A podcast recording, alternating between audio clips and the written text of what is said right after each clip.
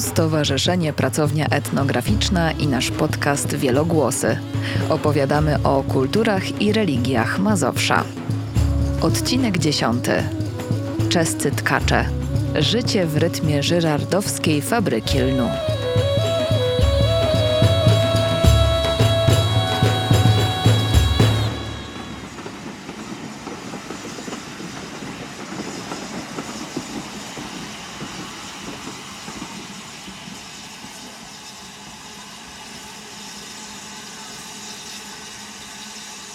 Żerardów to moja miłość i prawie, że można powiedzieć od pierwszego wejrzenia.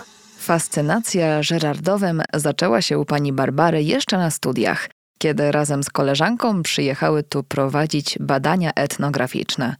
Do Żerardowa studentki dojechały pociągiem, trasą kolei warszawsko-wiedeńskiej. A ja przespacerowałam się przez ten Żerardów i naprawdę mój podziw y, był prawie że taki sam jak Sienkiewicza, Prusa, Hulki Laskowskiego, który pisał o Żyrardowie, o moim Żyrardowie. I teraz ten, mój, ten też się stał moim. Zawsze mi mówią, Baśka, no nie pochodzisz stąd, ale ty jesteś już po prostu nasza. I tak się tu w tym mieście y, czuję od tylu lat, y, promując to miasto, opowiadając o nim, bo jest on rzeczywiście ewenementem. W połowie XIX wieku wybudowano to miasto idealne. Pani Barbara Rzeczycka, etnografka, przewodniczka, prezeska Towarzystwa Przyjaciół Miasta Żerardowa i mieszkanka tego miasta, opowiada nam o historii Żerardowa, fabryce i związanych z nią ludziach. Razem zaglądamy także na wystawę, która znajduje się w dawnej kręgielni koło resursy. A wystawa nosi tytuł Żyrardów, miasto tkaczy i wizjonerów. Bo tkacze i to głównie Czesi stanowili najważniejszą część załogi fabryki wyrobów lnianych. A wizjonerami nazwałam rzeczywiście Dietricha i Hillego, którzy tę koncepcję takiego miasta idealnego dla mnie, jednocześnie miasta ogrodu stworzyli i wypełnili go doskonale treścią.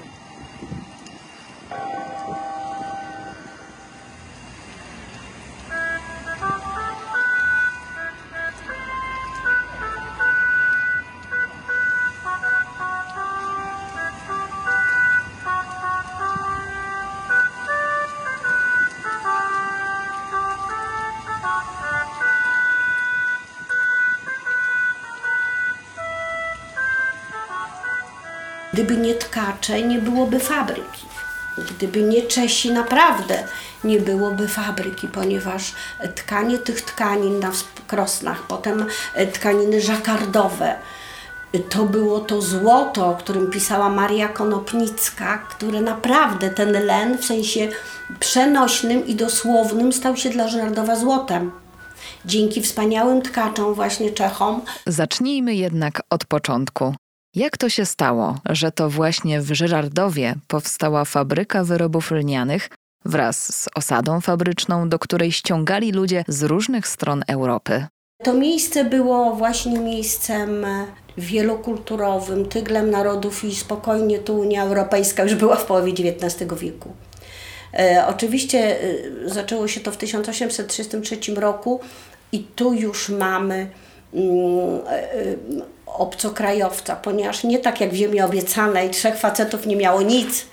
Tutaj wyobraźcie sobie, że e, hrabia Henryk Łubieński, właściciel tych dóbr, bo tereny się nazywały Ruda Guzowska, miał ziemię, był wiceprezesem banku, więc miał kasę, no potrzebny był ten trzeci. No i ten przywędrował z daleka, bo z Lourmarin, z Francji, niejaki Philippe de Girard, jak się domyślacie Państwo, od, właśnie od jego nazwiska spolszczono jest nazwa Żyrardów.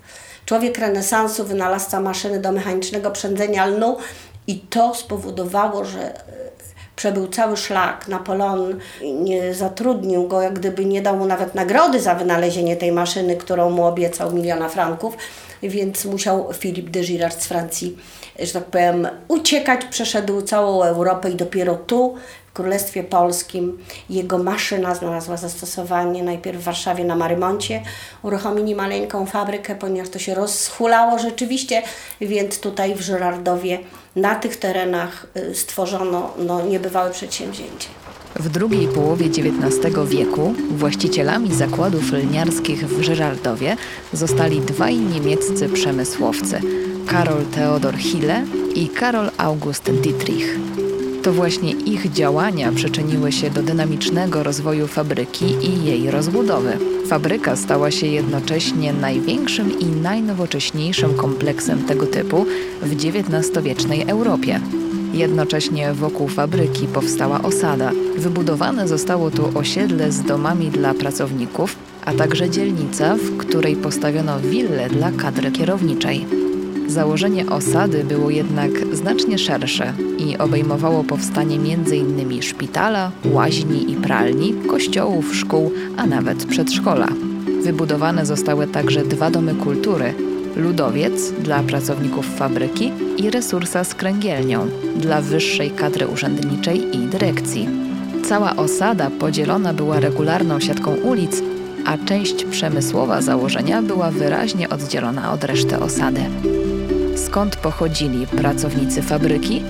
Byli to nie tylko Polacy, lecz także osoby przybyłe z Prus i Austrii, Czech czy Szkocji – Specjalistów sprowadzano także z Anglii, Francji, Holandii, Szwajcarii, Włoch. Do Żyrardowa przeprowadzały się całe rodziny. Praca w fabryce często angażowała wielu członków danej rodziny, a poszczególne umiejętności przekazywane były z pokolenia na pokolenie. Rozwój fabryki spowodował, że Żyrardów stał się atrakcyjnym miejscem, między innymi dla Żydów prowadzących działalność usługową. Więc to miasto przyciągało, przyciągało wiele osób. Ale drugą co do wielkości, taką narodowością, która przyjechała do Żyrardowa, to byli właśnie Czesi. Napływali do Żyrardowa właściwie już od początku istnienia fabryki. Y, główna fala y, przybyła na przełomie 60. i 70. lat XIX wieku. I wśród tych Czechów właśnie to takie rodziny Hulków, Ulenfeldów, Howorków, Hetmanków, Doczkałów. Y, I właściwie przybyli oni z trzech kierunków. Najważniejszym takim kierunkiem i taką pierwszą, najliczniejszą grupą stanowili Czesi z Zelowa. To byli fantastyczni tkacze Czesi. Oni mieszkali tu przy ulicy 1 Maja w takich domkach których już nie ma. One są tutaj, niektóre rozpadają się, ale są wpisane do rejestru zabytków, więc na szczęście będą zrewitalizowane i zachowane. I oni wykonywali też pracę nakładczą na początku na rzecz fabryki w domach. Więc y, to była niesamowita ludność. Drugą grupą byli ci przybyli z okolic albo z samej Krasnej Lipy, czyli z Szynlinde i Rumburka. I to byli głównie właśnie majstrowie tkaccy, czyli już nie sami tkacze, ale ta wyższa ranga, e, a także wyżsi urzędnicy zakładów lniarskich. Między innymi tutaj pojawia się nazwisko dyrektora Hermana Otto e, czy Karla Hanisza e, którzy właśnie no, zajmowali już te wyższe stanowiska. Najmniej liczni byli tak zwani reemigranci z Wołynia, którzy wcześniej opuścili Zelów, ale oni też tutaj w Żyrardowie się znaleźli. Głównym miejscem zamieszkania oprócz tej pierwszej tu fali, czyli tej ulicy 1 mm, Maja, dawnej Wiskickiej, później była ulica Szkolna, obecnie Narutowicza i ulica Kościelna, a więc ścisłe centrum Żyrardowa, w którym Czesi mieszkali. Wraz z przebywaniem osadników z tak różnorodnych miejsc, Żerardów stawał się miejscem wielonarodowym, wielokulturowym, wielojęzycznym, wieloreligijnym. I ci ludzie fantastycznie ze sobą współżyli, naprawdę. Oczywiście były dzielnice, gdzie mieszkali osobno, jeśli chodzi o tę kadrę inżynieryjną, no nie lubię tego słowa, ale właśnie te elity. Natomiast oni przenikało się to z całą pewnością. Nie tylko jak szło się tą ulicą 1 maja, przy murze tkalni nie tylko było słychać albo czuć pod stopami y, stukot krosien, bo tam tysiące tych maszyn pracowały.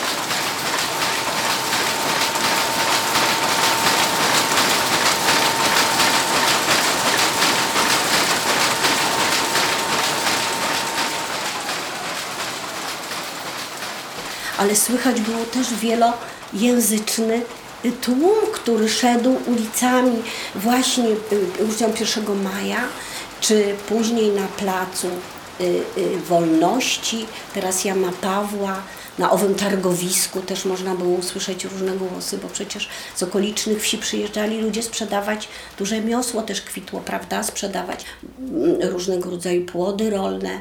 Przecież musiał być i rzeźnik, i szewc, i krawcowa, albo krawiec, zegarmistrz i tak dalej. Więc to miasto przyciągało, przyciągało wiele osób. Do pracy w fabryce z Czech przybyli także Józef Hulka i Elżbieta Schoworków, rodzice Pawła Hulki-Laskowskiego, urodzonego już w Żerardowie w 1881 roku. To znakomity żerardowianin, no to chyba najznakomitsza dla nas postać, nieznana może tak dosyć powszechnie, ale, ale urodził się on właśnie w rodzinie czeskich ewangelików, potomków braci czeskich. Jego ojciec był tkaczem i on właśnie tu do tej roboty w fabryce przybył.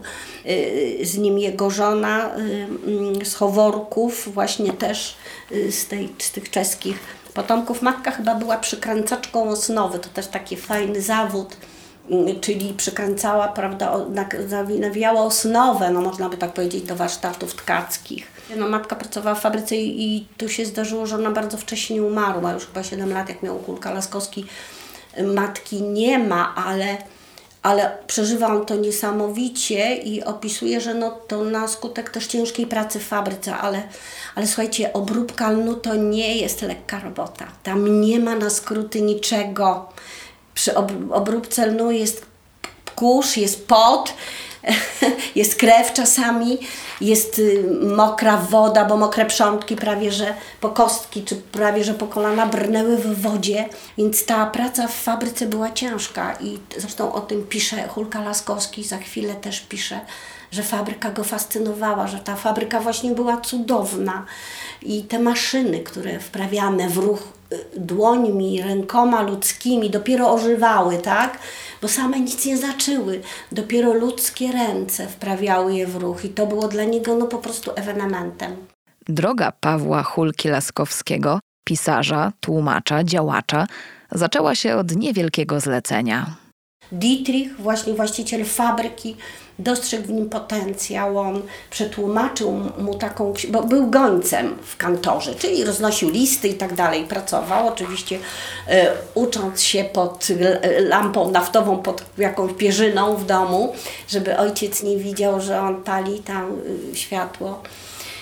E, sam skończył gimnazjum jakby tak eksternistycznie no i dorabiał właśnie w tym kantorku, roznosił listy i no i właśnie nie trudno było się zorientować, że zna czeski i mm, Dietrich dał mu do przetłumaczenia jakąś książeczkę, nawet pamiętam tytuł chyba Jastrząb kontra Hordliczka i y, dostał za to tłumaczenie od niego 50 chyba rubli i po prostu oszalał z radości, bo stwierdził, że to jest tyle pieniędzy i że może będzie można z tego, z tych, z tego żyć lepiej niż z takiej pracy y, robotnika. I wysłał go na studia do Heidelbergu, właśnie Dietrich tam mm, poznał swoją żonę Kazimierę z domu Uhlenfeld, też właśnie y, z rodziny czeskiej i wielokrotnie, powielokroć oddał jak gdyby to mm, temu społeczeństwu Żardowa. Zresztą mieszkańcy Żardowa na domu przy ulicy teraz Narutowicza czy Szkolnej dawnej, gdzie mieszkał, jest taka tablica pamiątkowa z 1966 roku towarzyszowi walk, prawda, tych robotniczych, mieszkańcy Żyrardowa, którzy o nim pamiętają do dnia dzisiejszego, bowiem on rzeczywiście bardzo współtworzył tę społeczność bardzo pomagał robotnikom, kształcił ich. Paweł Hulka-Laskowski jest przede wszystkim znany z tłumaczenia książki Przygód dobrego wojaka Szwejka autorstwa Jarosława Haszka. Zmarł w 1946 roku w Cieszynie, swojej drugiej ojczyźnie. Jest także autorem książki Mój Żerardów, skarbnicy wiedzy o ówczesnej fabryce, pracy w niej, a także życiu społecznym mieszkańców osady to podwórko na przykład, gdzie oni się spotykali, ktoś wyniósł gramofon czy gitarę i rzeczywiście Hulka Laskowski inicjował takie spotkania na, na podwórkach. Wybierali się do lasu na majówki, także to życie tętniło takie, mimo że ciężka robota, prawda, że oni ileś tam dni ze sobą pracowali, e, ale chciało im się po prostu pobyć jeszcze ze sobą i tak jak właśnie Hulka Laskowski pisał że żadną zapłatą, na przykład jeżeli fabryka y, tętniła i szła praca, jak to on pisał, na trzy zmiany, to oni nie pozwolili sobie, żeby nie wiem jaka zapłata, jaką zapłatę obiecywali właściciele fabryki, mm, soboty czy niedzieli, prawda? Sobota była po wypłacie, już był był, szło się do karczmy, bo było mnóstwo tutaj karczm w okolicy, więc tego wolnego dnia nie dali sobie zabrać w żaden sposób. O to bardzo dbali i takie właśnie to poczucie, które też Hulka Laskowski w nich wzbudzał, poczucie wartości pracownika fabryki, żeby nie dać sobie odebrać tego wolnego od pracy dnia. I sądzę, że to jest taka ważna cecha Czechów, która tutaj w tej naszej ludności, y, y, w, tej, w tym konglomeracie, y, tym, tym tyglu narodów, to przeważało. Że on jako Czech, mając poczucie swojej wartości, i ci tkacze, o których wciąż powtarzam, oni naprawdę mieli ogromny wpływ na całą fabrykę i na to, co ta fabryka znaczyła w świecie. Więc chciał przywrócić i pokazać im, tym zwykłym robotnikom, że też są ważni, że oni coś znaczą. Osoby o czeskich korzeniach, których przodkowie przyjechali do pracy w żyrardowskiej fabryce, mieszkają w mieście do dziś.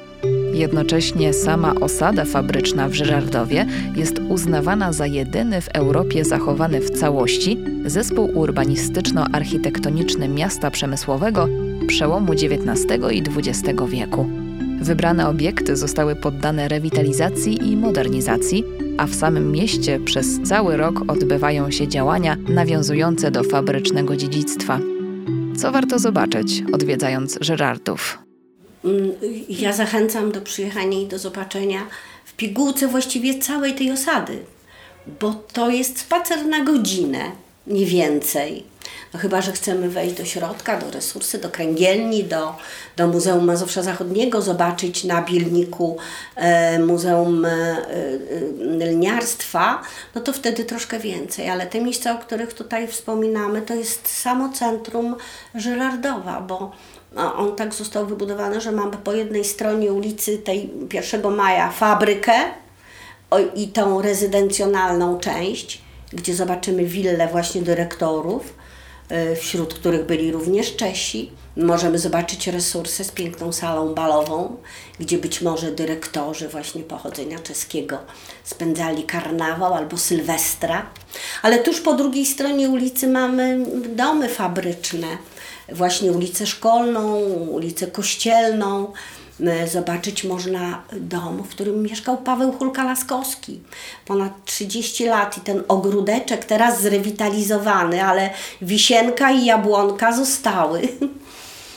Więc możemy też pójść do gabinetu pisarza Pawła Hulki-Laskowskiego, zobaczyć maszynę do pisania, zobaczyć jego księgozbiór, zobaczyć fotografie, fotel, na którym siedział, y, otomanę, na której może odpoczywał, kredens z, mm, z y, zastawą, której używała rodzina Hulki Laskowskiego.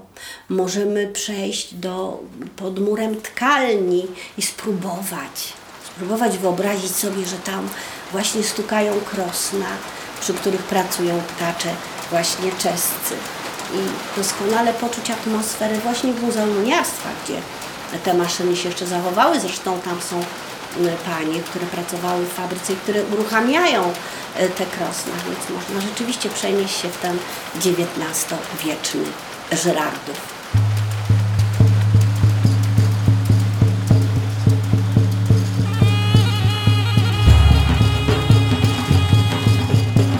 chcesz dowiedzieć się więcej o wielokulturowym Mazowszu, zajrzyj na stronę mazowszeetnograficzna.pl. Podcast zrealizowało Stowarzyszenie Pracownia Etnograficzna. Partnerzy i patroni Federacja Mazowia, Fundacja Picture Dog, Towarzystwo Krajoznawcze Krajobraz, Mikrowyprawy z Warszawy, Radio RDC. Zadanie publiczne pod nazwą Wielokulturowe Mazowsze dofinansowane ze środków z budżetu województwa mazowieckiego. Dofinansowano ze środków Muzeum Historii Polski w Warszawie w ramach programu Patriotyzm Jutra. Utwór dostępny na licencji Creative Commons, uznanie autorstwa na tych samych warunkach.